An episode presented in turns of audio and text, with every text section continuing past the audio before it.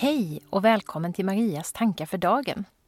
Jag heter Maria Estling Wannestål och jag driver Drömmen om målarjord. En podcast och blogg om att följa sitt hjärta och sin inre kompass. Marias tankar för dagen är mina bloggreflektioner i ljudform. Ska det inte gå lätt att följa sitt hjärta? var frågan vi ställde oss i det allra första avsnittet av Poddklanen reflekterar som jag återvände till häromdagen inför ett inlägg om samlade klokskaper från poddklansavsnitten.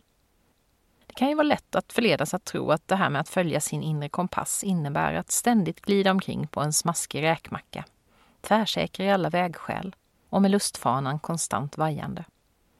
Jo då, visst kan det vara så där härligt ibland. Hjärtat spritter och visar vägen och kanske killar i magen men det finns ingen riktig tvekan och jag kastar mig in i spännande projekt, får just det stöd jag behöver längs vägen och känner att jag kommer till min rätt på alla sätt. Lite samma känsla som min dotter Sannas sex år gamla Instagraminlägg förmedlar från tiden då hon reste världen över med hjärtat som vägvisare. I love how the challenges of traveling come in all shapes and how I've started searching for them instead of hiding from them. Utmanande, ja visst, men roligt och spännande. I andra sammanhang är det helt andra saker det handlar om. Små vardagsbeslut som kan verka triviala men som ändå blir viktiga i det långa loppet. Allt ifrån vilka tapeter jag ska välja till vem jag vill vara som anhörig, som jag bloggade om nyligen. Men det finns också tillfällen då kompassen utmanar mig ordentligt. Då det på ett eller annat sätt gör ont och eller krävs mod. Alltså att jag går emot min rädsla. Att gå i den riktning som känns rätt för mig. I förra veckan upplevde jag en sån situation då jag fick förfrågan om ett uppdrag från universitetsvärlden, den jag lämnade för mer än åtta år sedan. Först kände jag mig lite smickrad över att mitt akademiska bäst före-datum tydligen inte var helt passerat. Och det skulle kanske vara lite kul ändå och dessutom kännas bra att kunna hjälpa till. Pengar är ju också alltid välkomna när man som jag har valt att ägna en så stor del av mitt yrkesliv åt sånt som ger väldigt lite eller inget alls. Och samtidigt, jag har ju lämnat den världen Dessutom har jag en bok att skriva klart, poddar att spela in, en kurs som ska uppdateras, en massa odlingar och en del andra små uppdrag den här våren. Hallå kompassen, var är du? Någonting som jag genom åren har lärt mig är att aldrig säga ja direkt, om inte någonting känns alldeles fullkomligt självklart från första början. A heartful yes, liksom. Jag sov på saken, kände mig fortfarande osäker när jag vaknade och bad om mer information för att kunna ta ett välinformerat beslut. Jag kopplade alltså in hjärnan en sväng i hjärtarbetet. När informationen kom var det ingen tvekan längre. Med dokumenten från universitetet kom ångestklumpen jag så ofta vandrat runt med där i korridorerna som ett brev på posten. Den inre rösten skrek nu högt och tydligt nej, nej, nej. Tack, då var första steget avklarat. Och vad hände då? Jo, nu gick skuld och skammaskineriet igång. Om jag säger nej lämnar jag dem i sticket nu när uppdragsgivaren har tagit sig tiden att skaffa fram mer information och allt. Så kan jag väl inte göra.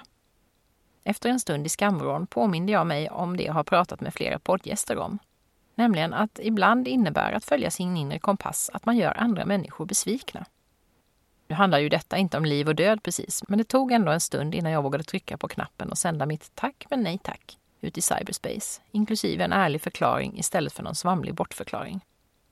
Att säga nej är att säga ja, till det jag är här för att göra. Min kära kontorskompis Sara, som hörde min vånda, frågade innan jag skickade mitt svar. Ska jag hålla dig i handen när du trycker? Det var metaforiskt förstås. Här hålls ju inga fysiska händer i coronatider. Men bara den lilla gesten bidrog till att jag vågade. Och jag blev än en gång påmind om hur bra det är att kunna bolstra upp, eller ordna det för sig, som vi två brukar kalla det, när man ska till att göra någonting som är svårt, jobbigt, obekvämt, tråkigt. Jag bet på mina, återigen metaforiska, naglar i någon timme innan svaret kom. Det är helt okej. Okay. Jag blir inte ett dugg sur utan förstår precis. Du ska absolut inte ta på dig något som du får en klump i magen av. Tänk inte mer på det. Och så blir jag påmind om det som Björn Attiko Lindeblad brukar säga. Tro inte på allt du tänker. Nej, än en gång hade jag i mina tankar målat upp en bild som inte stämde. Och även om den hade gjort det så hade det inte varit rätt att tacka ja till någonting som så uppenbart inte var det jag skulle göra. Tack hjärtat och hjärnan för vägledningen.